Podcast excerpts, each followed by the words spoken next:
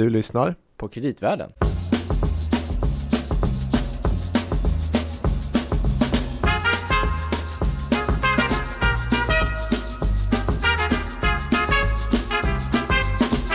Välkommen tillbaka till Kreditvärlden, Louis Landeman. Och Gabriel Bergin. Vad trevligt att vi sitter här igen. Och alla lyssnare kanske mm. också framförallt. Hej hej. Hej hej. Eh, vi inledde ju året med att prata en del om risker. Mm. Som förra året är en ny tradition. Mm. Det tyckte vi med Thomas Ries, det var väldigt mm. intressant. En sån där risk som man pratar om lite svepande kanske. Just det. Är, är, ett, är världens största land. Mm. Jag antar Vilket att du tänker, tänker på, på Kina. Ja. Det är rätt uh, Vilken tur. Ja. Eh, men det brukar målas upp. Jag tror att det här, jag är rätt säker på att det här kommer att bli ett av årets absolut mest intressanta och spännande avsnitt. Ja. För att med oss idag har vi Kina-analytiker Kristina Sandklev. Hej, tack. Välkommen hit. Tack så mycket. Vi är enormt glada att du har kommit hit. För att vi har ju tidigare försökt oss på att prata lite grann om Kina. Men ganska snart konstaterade vi att vi inte vet så mycket. Och vi har konstaterat då att för att komma lite vidare i det här uh, så behöver vi träffa någon som... Och då Kina. sa vi expert. Ja. Men då sa du... Att Kina-expert vill jag helst inte bli kallad för eftersom jag känner att ju mer man lär sig om Kina desto mer inser man att man inte är expert på det landet. För det är, väldigt, det är så mångfacetterat. Det det är ett ja. väldigt komplext land. Mm. Ja. Mm. Jo, det är det vi så har därför föredrar jag att bli kallad för. förstått. Det är därför vi inte heller vill bli kallade kreditexperter utan kreditanalytiker. Jaha, okay. ja, okay. ja, nej, nej, men jag tänkte så här, kan inte du först bara berätta om lite din bakgrund visavi Kina? Ja. Hur, hur kommer det sig att du blev intresserad av detta land till att börja med? Ja, det finns många långa historier om det men mm. man kan väl konstatera att jag, tyck, jag har alltid varit fascinerad av tecknen och också varit ganska fascinerad av eh, kommunistiska system, hur de lyckas styra Eh, länder. Mm. Och eh, mm. det ledde till att jag bland annat läste ryska på gymnasiet Jaha, eh, på 80-talet och, och, insåg att Sovjetunionen var ganska mycket mer mångfacetterat än vad man kanske såg i media. Mm. och sen kom ju Himmelska fridens torg 89 och, mm. men det gjorde att jag tänkte mer att Kina är nog betydligt mer än vad det syns i media. Mm. Så då började jag läsa kinesiska 90. Kom okay, till Kina ja. första gången 92. Och sen har jag, pluggade jag i Kina 94, 95 ett mm, år. Mm. Eh, och eh, började jobba på Ericsson eh, 98. Jobbade I Kina då? I Sverige faktiskt. I Sverige, Men jag jobbade med kinesiska konsumenter för att eh, mm, försöka okay. förstå hur man skulle kunna få dem att vilja använda mobiltelefoner och mobila mm. tjänster. Ja. Vilket jag la väldigt mycket tid på så det är väldigt roligt nu när jag kommer tillbaka till Kina.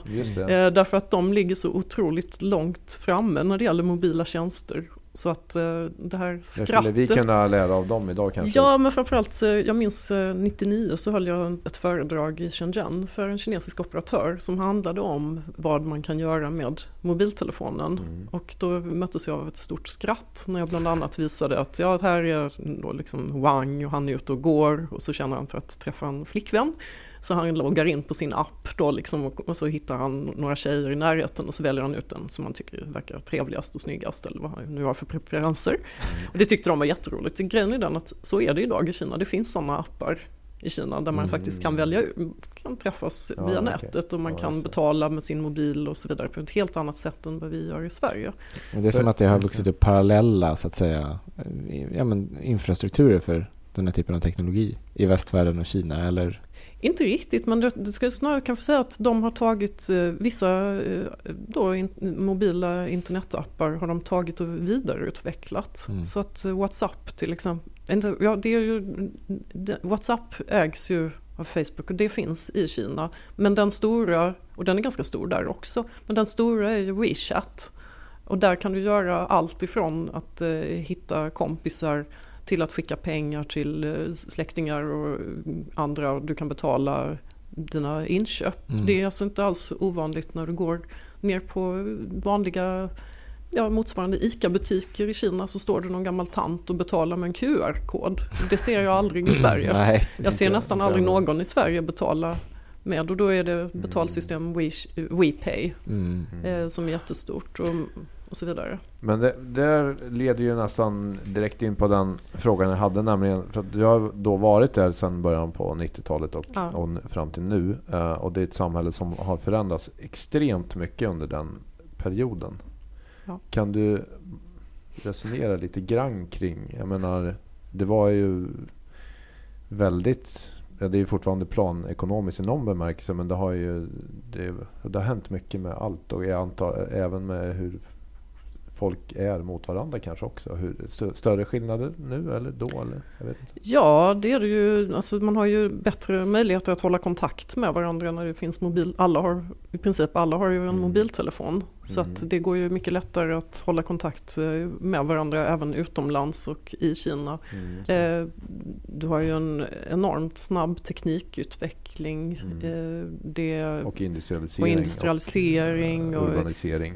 Jag minns när, när jag kom till Peking första gången 92 och cyklade runt där i en stad som var ganska platt och Mm. eh, så idag är det skyskrapor, det är fortfarande platt men det är, för det, mer, men det är bil- väl bilar det är cyklar otroligt mycket bilar, man vill helst Mm. inte cykla för man blir ju helt förgiftad av alla avgaser. kanske. Ja. Men samtidigt så ser man ju också nu att det är allt fler elfordon ute på vägarna i Kina och i st- städerna. Nästan alla mopeder är elmopeder. Så att man står där och så bara helt plötsligt bara, vroom, är det någonting som far förbi. Man har inte ens hört att de var där. Mm. Man ser konstiga små fordon som är elbilar då som ja, Just det. och det är ganska svårt för många svenskar tror jag att förstå hur Mm. stor elfordonsmarknaden är och hur mycket man satsar på det. Och där är det ju på sätt och vis kanske bra att Kina är en planekonomi för att för att kunna ha ett system med mycket elbilar så krävs det ju mycket infrastruktur. Och då är det ju staten som går in och bygger upp det och testar olika Mm. sätt. Mm. Men om man skulle plocka en, en, en kines eh, på 90 92 någonting. Eh, vi säger boende i, i Beijing eller en stor, Mm. annan stor stad.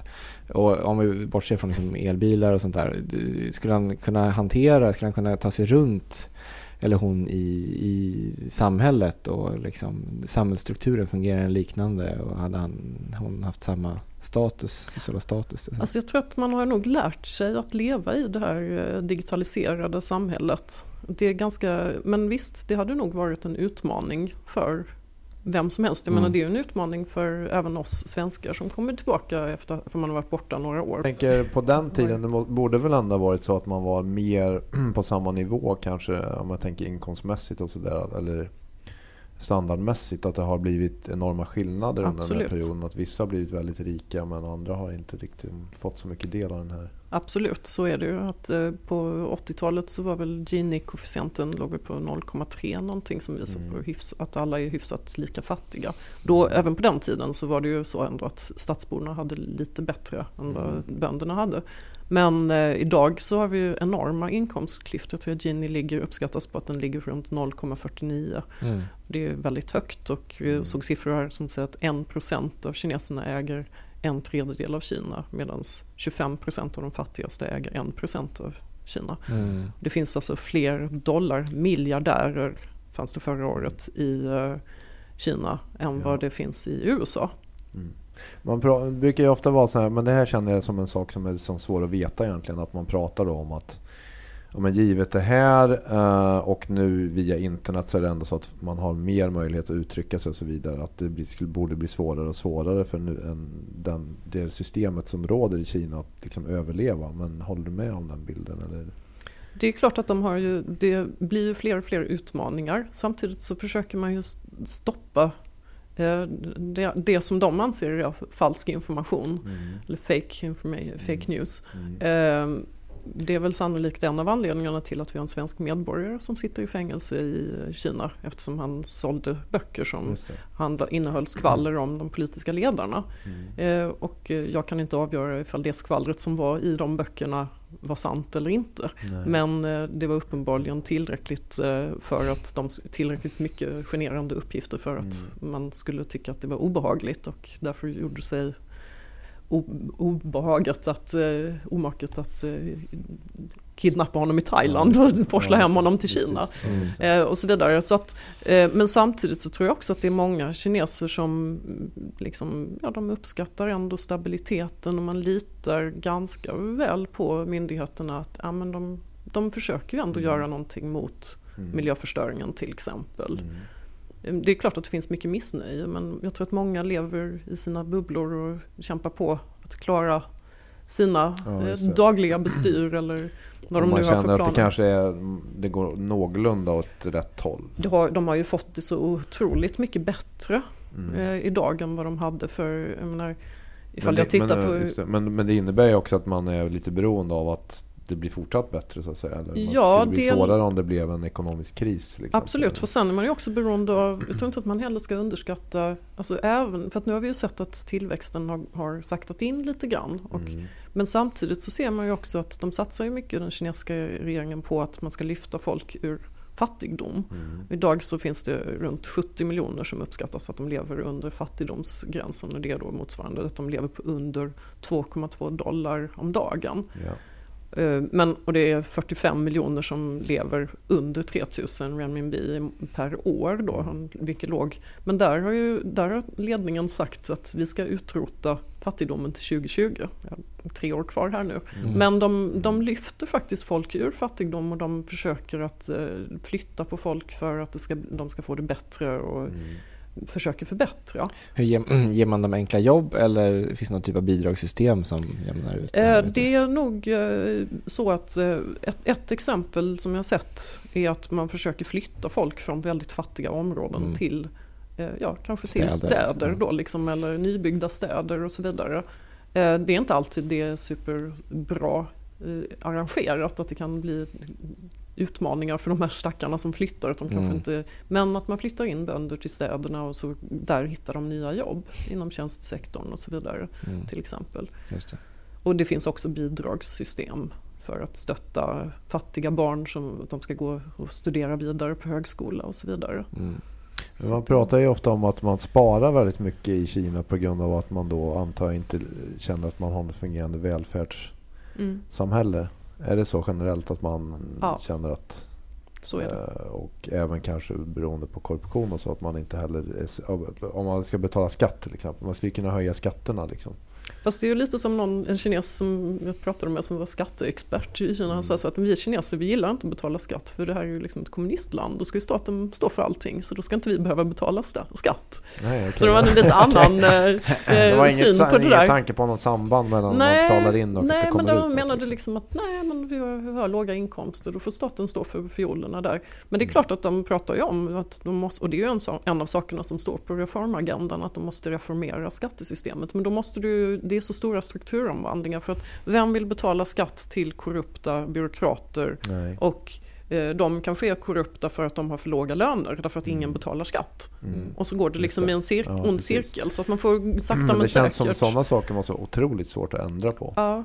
Ja, men jag pratade med ett par korruptionsexperter för ett, Mm. ett par år sedan. De sa det att ja, men vi hoppas att man, vi har minskat korruptionen till hälften om 20 år. Mm. Mm. Ja, så att det är inte så att det, är går över en natt tiden. som Nej, det kanske gjorde just det. mer i Singapore där man Mm. rensade upp snabbt och kraftigt på några år. Mm. Utan det här är så stort land och det är så, Mm. så liksom, Men det är, även, Men- det är även någonting som man har på sin eh, Absolut. lång, långa plan. Så Men korruptionen, hatar, den, korruptionen hotar ju ja, eh, partiets existens. man kan tänka sig att det kanske är största hotet. Det är ett av de absolut största Mm. hoten. Men korruption, är den utbredd eller är det mer liksom på, på så att säga, eh, lokal nivå eller liksom? Den även- är utbredd. den är utbredd. Ja, Det är väl i princip så att alla är mer eller mindre korrupta. just det. Och inte det kanske ett, också en, en eh, förutsättning för partiets maktbas också? Att det finns en så att säga man kla- håller varandra om ryggen och så vidare. Om det skulle bli mer rättfärdigt eller rättvist, skulle inte det kunna luckra upp Jo, en del? kanske, men samtidigt så, alltså det är en väldigt svår fråga för att det är ju också så att korruptionen hotar ju verkligen partiets eh, legitimitet. Mm. Eh, och, men samtidigt så läser man ju ibland om att jaha, men den här personen var inte korrupt. Eh, då är han lite konstig, tycker de andra inom partiet. Då, liksom. Eller Ja. när Bosjelaj åkte fast och dömdes till långt, ett långt fängelsestraff så hade, visade det sig att han hade förskingrat 20 miljoner renminbi. Och då var det ju folk som skrev på nätet så det var ju lite.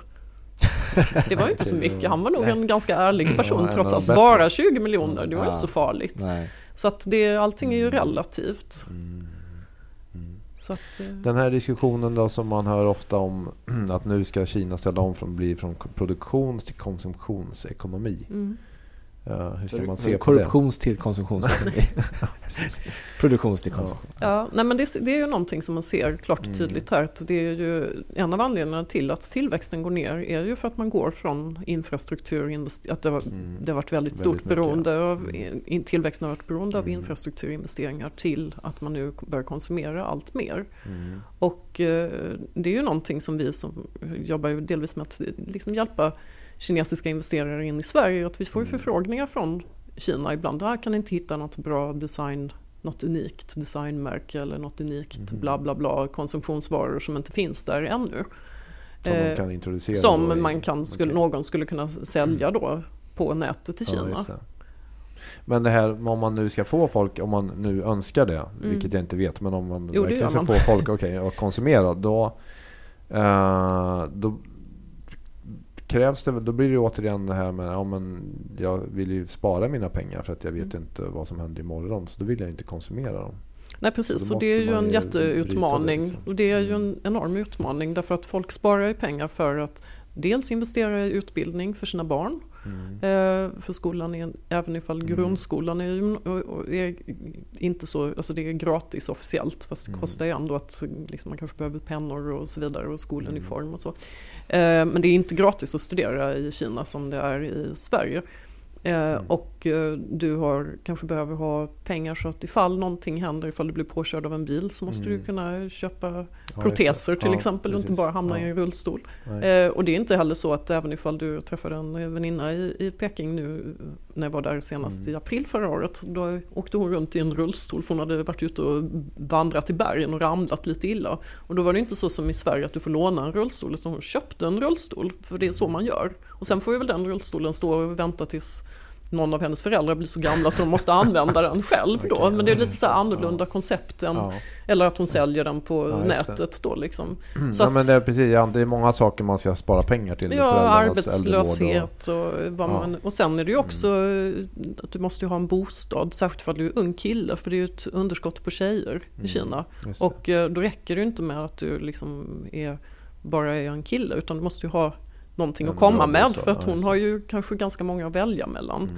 Och då tjejerna och, då, och en del kinesiska tjejer har ganska höga krav, så att då, då Mm. behöver du ha ett bra jobb, en bra utbildning, tjäna mycket pengar och så gärna ha en bostad. Men det låter ju som Stockholms innerstad ungefär. tycker Ha bil och sen så senaste grejen som jag sett här nu det är att det är också, man ser också att skönhetsprodukter för män börjar öka. Mhm. Och I Sydkorea där man har haft också brist på kvinnor där är ju till exempel plastikkirurgi väldigt stort så att man fixar till sig och börjat liksom se snygg ut. Så det hjälper inte att du Mm. Bara har, okej. men det, är- det är väldigt många som eh, investerar då i lägenheter till exempel för, att, för sina söner för att de ska ha en möjlighet att hitta en fru.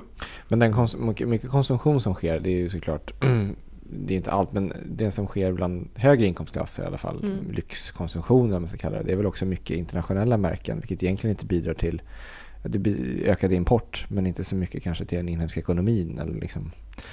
Fast det beror på lite grann för att ifall du tänker dig att du köper importvaror, eh, till exempel så är det ju ganska stort i Kina att köpa importerad mjölkpulver eftersom det har varit mycket skandaler med eh, mjölk eh, i Kina. Och då är det väldigt inne, i Australien så är det tydligen så när du går in i taxfree och läm- lämnar Australien så är det så stora, istället för whisky som vi har här och absolut vodka så är det stora liksom korridorer med mjölkpowder, milk powder, alltså mjölkpulver för, från Australien. Ja. Och sen så köper folk det och så kanske de säljer det på Taobao på internet då. Mm. Och då är det ju så att då tjänar ju de personerna tjänar ju lite pengar, de lägger ju på lite grann. Och sen så går det ju pengar till leverans också.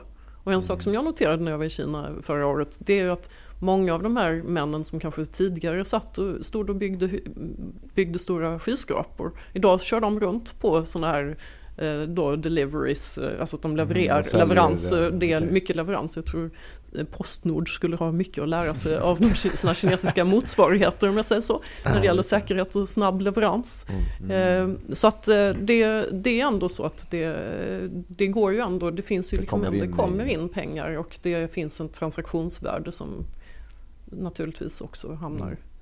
Mm. Och, och utländsk mat är väldigt liksom, eftertraktad. Mm. Ja, Så. det. Men det gäller ju också att man hittar vad är det de tycker om Ja. och, och så vidare. Som, nu har ju en, ett kinesiskt bolag, China Resources, gick ju in i Oatly här nyligen och investerade. Jag tror de köpte 20% eller något i den stilen. Ja. Eh, och det är ju bland annat för att någon har då, mot, har, man har då i Asien så har man då marknadsfört havre är jättebra för att det sänker kolesterolet. Mm. Det innebär att man kan äta mer eh, så här friterade goda spettdroppande grejer och sen kan man äta lite havregröt efter, liksom äta Perfekt. lite havre. Så, så det tar Okej. ut vartannat. Och det, det är liksom sådana grejer som man kan tänka på. Ja, just det.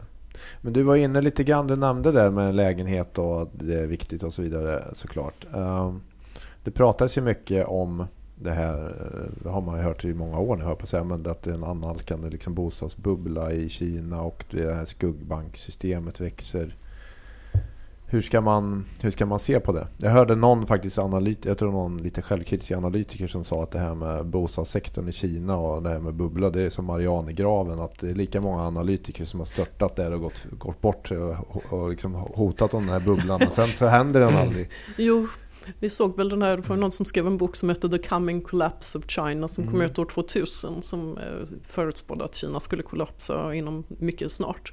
eh, Vilket det inte har gjort. Nej. Men när det gäller bostadsmarknaden så är det ju så att dels har det funnits ett reellt behov. De har ju varit väldigt trångbodda tidigare inne i städerna. Så det finns ett behov av större bostäder. Mm. Och sen är det också så att många kineser de är inte, vana, de är inte, är inte uppvuxna i ett kapitalistiskt eh, marknadsekonomiskt land. Nej. Så att man är, inte, man är inte van vid, som vi är ju liksom uppvuxna ändå med att det finns en börs och hur det Mm. fungerar, får vi lära oss i skolan och sånt. Det har inte de. de är, det är lättare för dem att förstå att okej, jag köper en lägenhet, Mm. priset går upp på lägenheten, sen säljer jag lägenheten till någon annan så tjänar jag pengar och sen kanske nästa säljer. Mm. Och det, det bästa är ju då att eh, inte inreda lägenheten för då får den ett högre värde.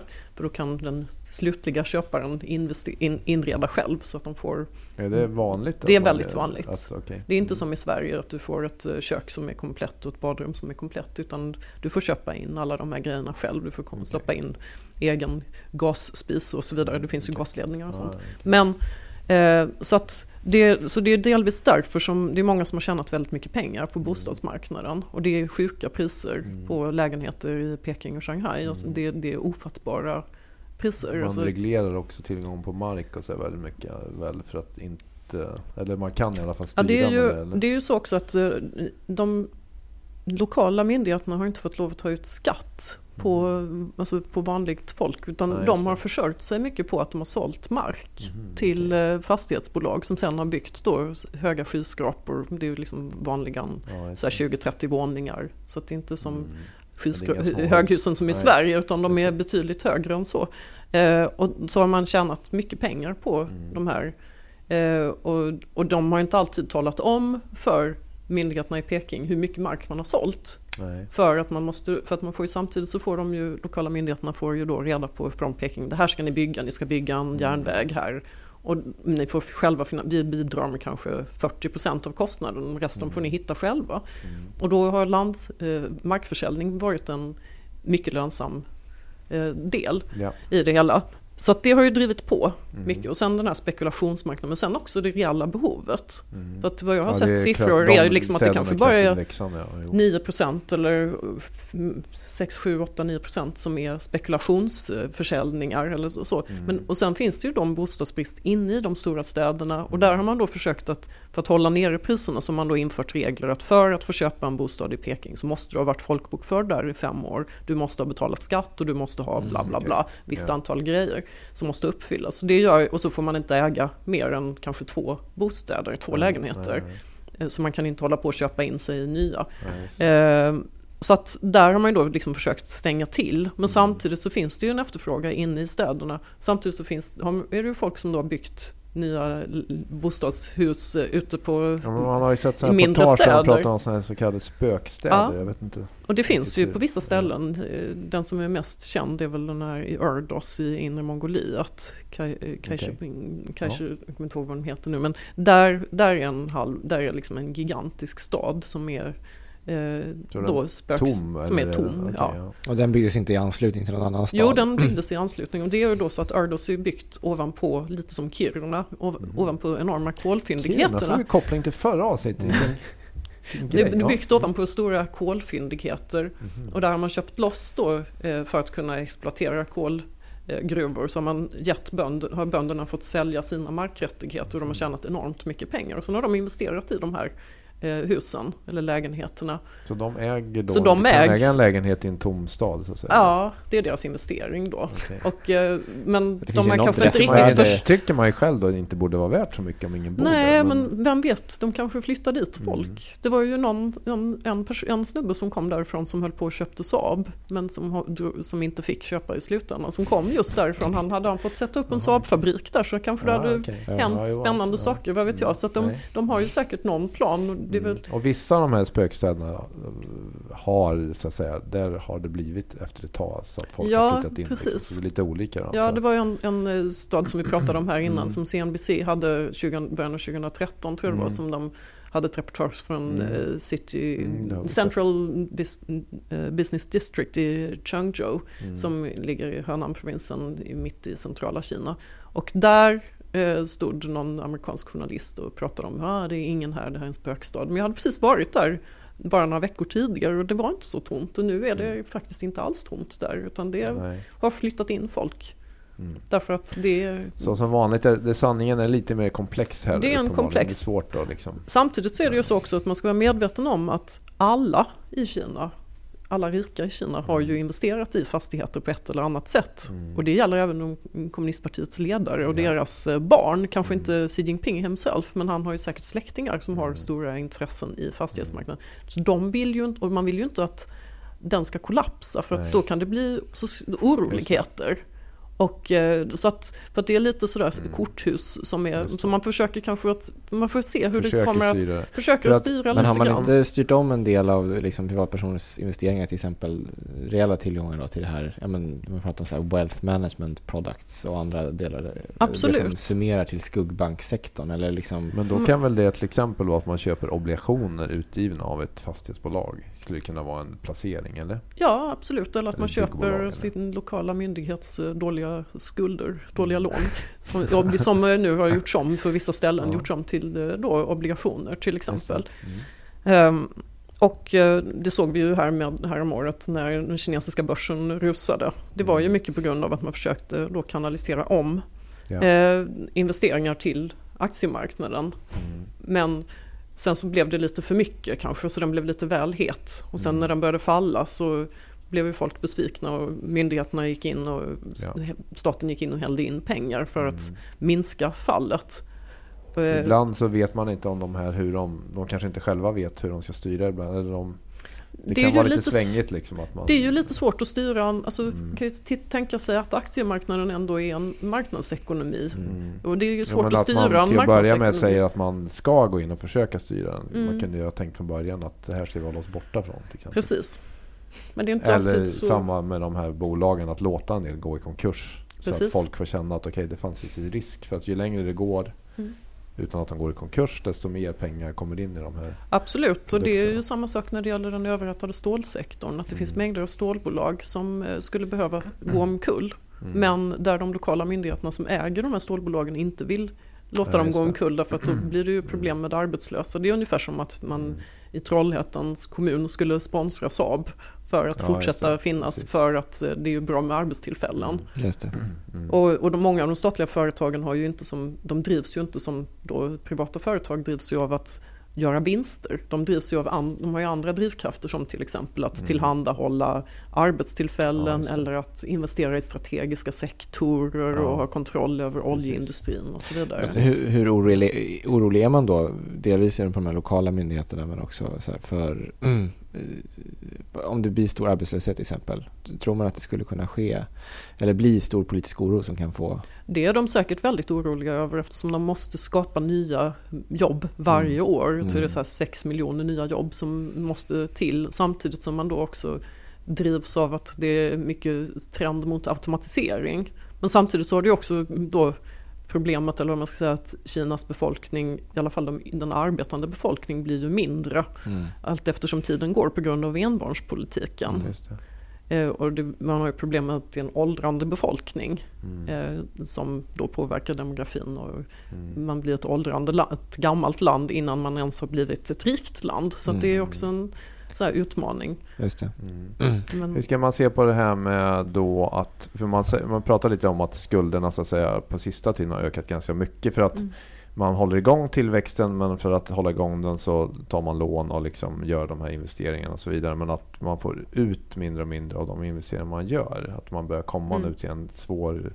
gräns här, att det här kanske inte riktigt kommer att funka riktigt. Det tror jag de är mycket väl medvetna om på, i Peking och det vet de om att, så här, att det här är en jätteutmaning och man försöker ju styra om. Man ser ju det här att det är struktur det är ju stora strukturförändringar som sker och de har ju gått ut och sagt till exempel från att okej okay, nu, nu kommer vi att stänga ner stålverk men vi går också in med då fonder eller med medel för att mm. stötta de här miljonerna stålverksarbetare som blir arbetslösa så att de kan omskola sig eller vad de nu... Mm. Man kanske borde komma till Sverige och lära sig av oss hur vi har gjort med ja. varvskriser och annat. Men eh, att man måste göra den typen av... Samtidigt så finns det ju då väldigt mäktiga lokala intress, särintressen som spjärnar emot det här. Jag tror att det är en av anledningarna till att vi ser ett ökat politiskt förtryck i Kina för att, de, för att ledningen vill, liksom försöker lokala, trycka ner och försöker liksom, nu måste ni göra som vi säger. Mm. Sen slår det lite fel ibland. Ja, på, eh, men det så att, men det är absolut ett jätteproblem. Och det låter som någonting att man, kan säga att man ska försöka hålla lite koll på. Det är kanske svårt men att det, det är en sån där, kanske viktig grej då att försöka Absolut, det är absolut någonting att uh, hålla koll på. Sen är det ju det här med skuggbankerna som mm. då är man ska säga, illegala eller olagliga lån och så vidare. Att mm. Man har inte full koll på hur stora hur mycket är det här? Eller Nej. de här wealth management products mm. som Gabriel pratar om. Eh, det, de det är svårt att hålla koll på det. Mm. Eh, men man får, det är bra att ha... Men där har man försökt strama åt lite nu och höjt räntan och så försöker man bromsa in det.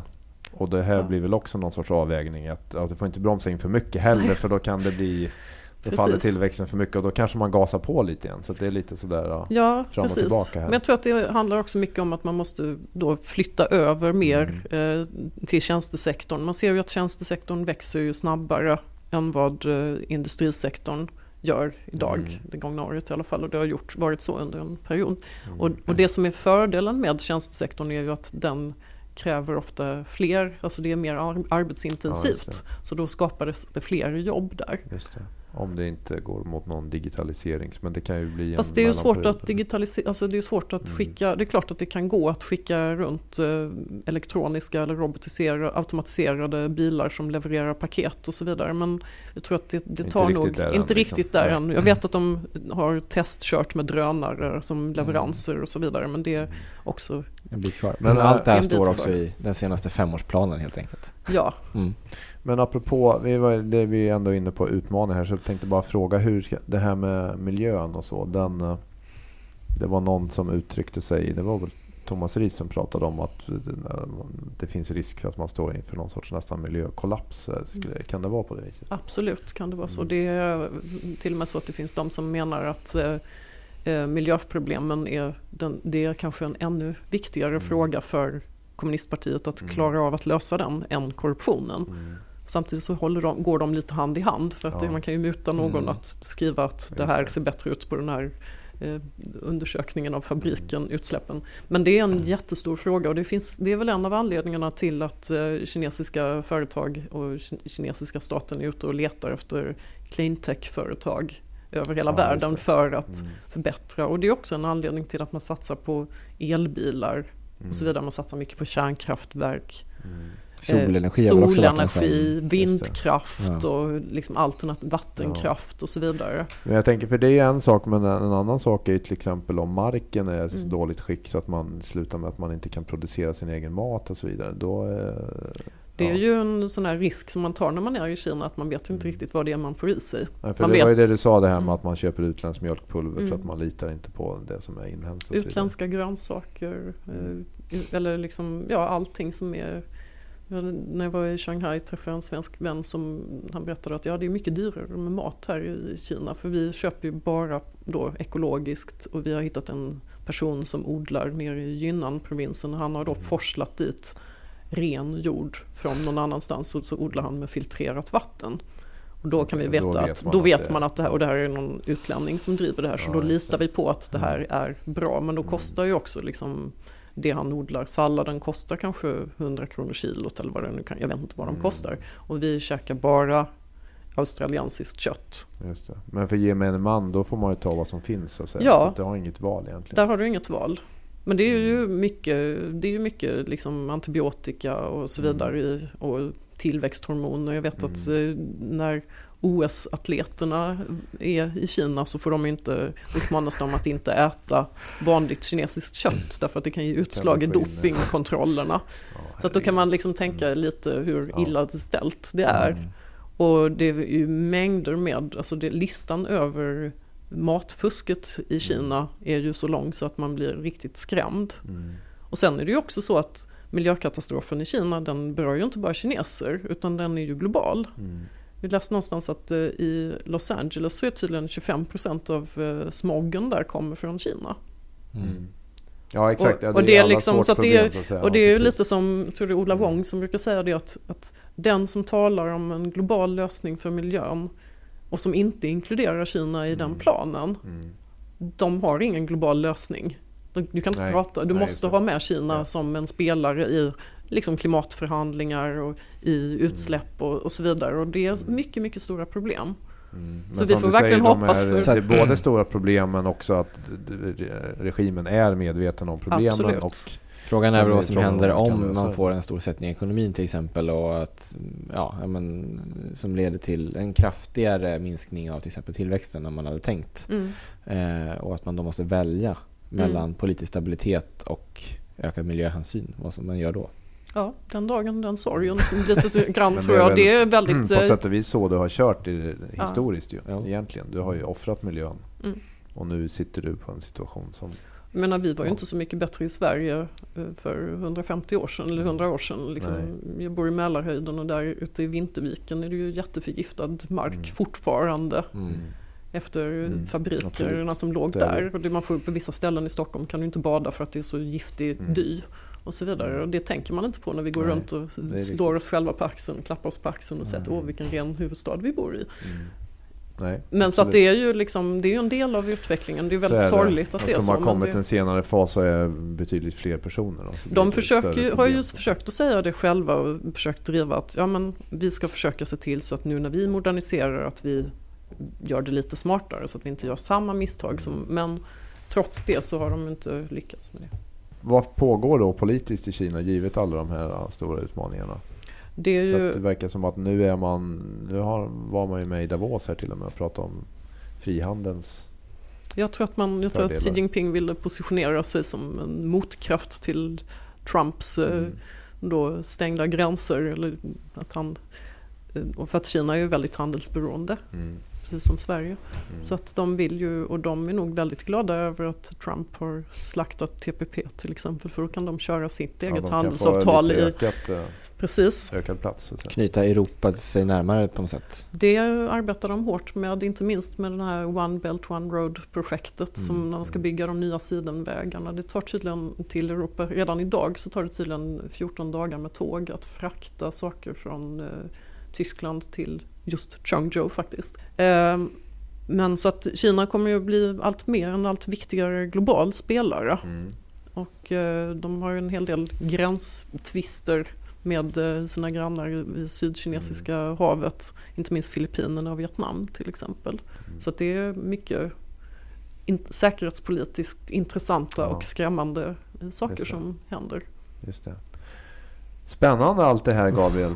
Men som du sa, eller som vi förstår mer och mer när vi pratar om det här, så oavsett höll jag på att säga, vem man är i Sverige så bör man försöka förstå vad som händer i Kina. Ja, det tycker jag verkligen och jag tror också att det är viktigt att eh, hålla koll på vad som händer. Nu har vi ju till exempel för ett par veckor sedan så köptes ju SF Nordic mm. eh, upp av en kinesisk investerare. Som, eh, och där kommer vi ju kunna se, nu är det ju dessutom också kan vara värt att notera att i år är det Sverige-Kina kulturår. Mm. vilket innebär att vi kommer få se svenska artister som åker till Kina och kanske kinesiska som kommer hit. Eh, och ökat kulturutbud. Ja, okay. så, utbyte. så förutom att finansiella marknader senaste åren varit väldigt intresserade så är det här ett särskilt bra år om man är svensk att passa på att lära sig lite mer? Ja, och kanske också dra nytta av att det är ett eh, kulturår mm. för att då mm. kan man kanske pusha sina affärer också mm. genom kulturen. Just det. Vi hade ju då, som jag berättade innan, Måns Zelmerlöw som uppträdde på Pekings eh, TV på deras nyårsshow inför 100 miljoner Oj. människor. Det var tydligen huggsexa på svenska ambassaden över att få backstage-kort för att få komma vara med och se honom. Wow. Mm. Så att det öppnar en ny marknad som öppnar sig Just även det. för... Apropå det med ny marknad, så avslutningsvis, för du jobbar väl en del med att rådge svenska företag som funderar på att etablera sig i Kina. Finns det något sånt här äh, generellt råd man kan ge till dem? Jag tror att det viktigaste för alla generellt, mm. inte bara för de som är eh, Eh, ha en Kina-strategi för att även ifall man inte har tänkt att man ska gå in i Kina så kommer kineserna att komma hit. Det innebär att man kanske måste fundera över, ska man skydda sitt varumärke och sin Eh, och eh, ja, sin produkt mm. i Kina också så att man inte blir, råkar ut för att någon hijackar ens varumärke till exempel. Men framförallt vara påläst om Kina. Och ska man in i Kina så skulle jag rekommendera att man anlitar någon, att man har en rådgivare, ifall man inte känner att man behärskar Kina mm. jättebra själv, att man faktiskt anlitar en rådgivare som kan ge råd därför att det finns kan, väldigt mycket... Man kan gå bort sig. Man kan gå bort sig väldigt lätt och det är också mm. många, både bland investerare och eh, kinesiska intressenter som kan vara lite småskumma. Så att man måste alltid ha koll mm. på, är det här en seriös investerare ja. eller är det en oseriös investerare? Och mm. ibland så kan det ju vara så att den som man trodde var oseriös är superseriös medan den man trodde var seriös visar sig vara värsta skojaren. Mm. Så det är väldigt viktigt att liksom göra sin hemläxa och lära sig ordentligt om hur funkar det och, hur, och så vidare innan man går in. Mm. Och det gäller även för svenska företag som blir approcherade av kinesiska investerare. Man försöker ta reda på vilka, Man måste ta reda är det här på, och vad har de för syfte och varför gör de på det här viset. Precis. Mm. Vad har de för bakgrund? Är de här mm. pålitliga? Ja, just det. För det kan bli ganska surt och tråkigt ifall ja. man går i någon fälla eller mm. man miss, missar saker. Mm. Bra tips! Det var väldigt konkret avslutning ja. för en gångs skull i kreditvärlden, eller hur? Mycket bra. Mm. Det här blev ju lika bra, eller till och med ännu bättre än vad jag hade trott. Mm. det mycket. känns som att vi, ja, det finns ju det var ännu fler saker man kunde ha pratat om. Men jag tror att... Jag tror att du har helt rätt i att det är väldigt svårt, om inte omöjligt, att vara Kina-expert. och det är väl ingen av oss som har blivit det idag, Louie, men lite mer. Vi är förvirrade på en högre nivå i alla fall. Ja, det är klassiskt. Det är som vanligt. Tack eh, så otroligt mycket för att du kom, Kristina. Tack så mycket för att jag fick komma. Ja. Vi kan kanske komma tillbaka till dig någon gång i Absolut. framtiden och prata mer. Mm. Kina kommer att vara fortsatt aktuellt. Absolut. En lång tid framöver. Det tror jag. Mm. Definitivt. Mm.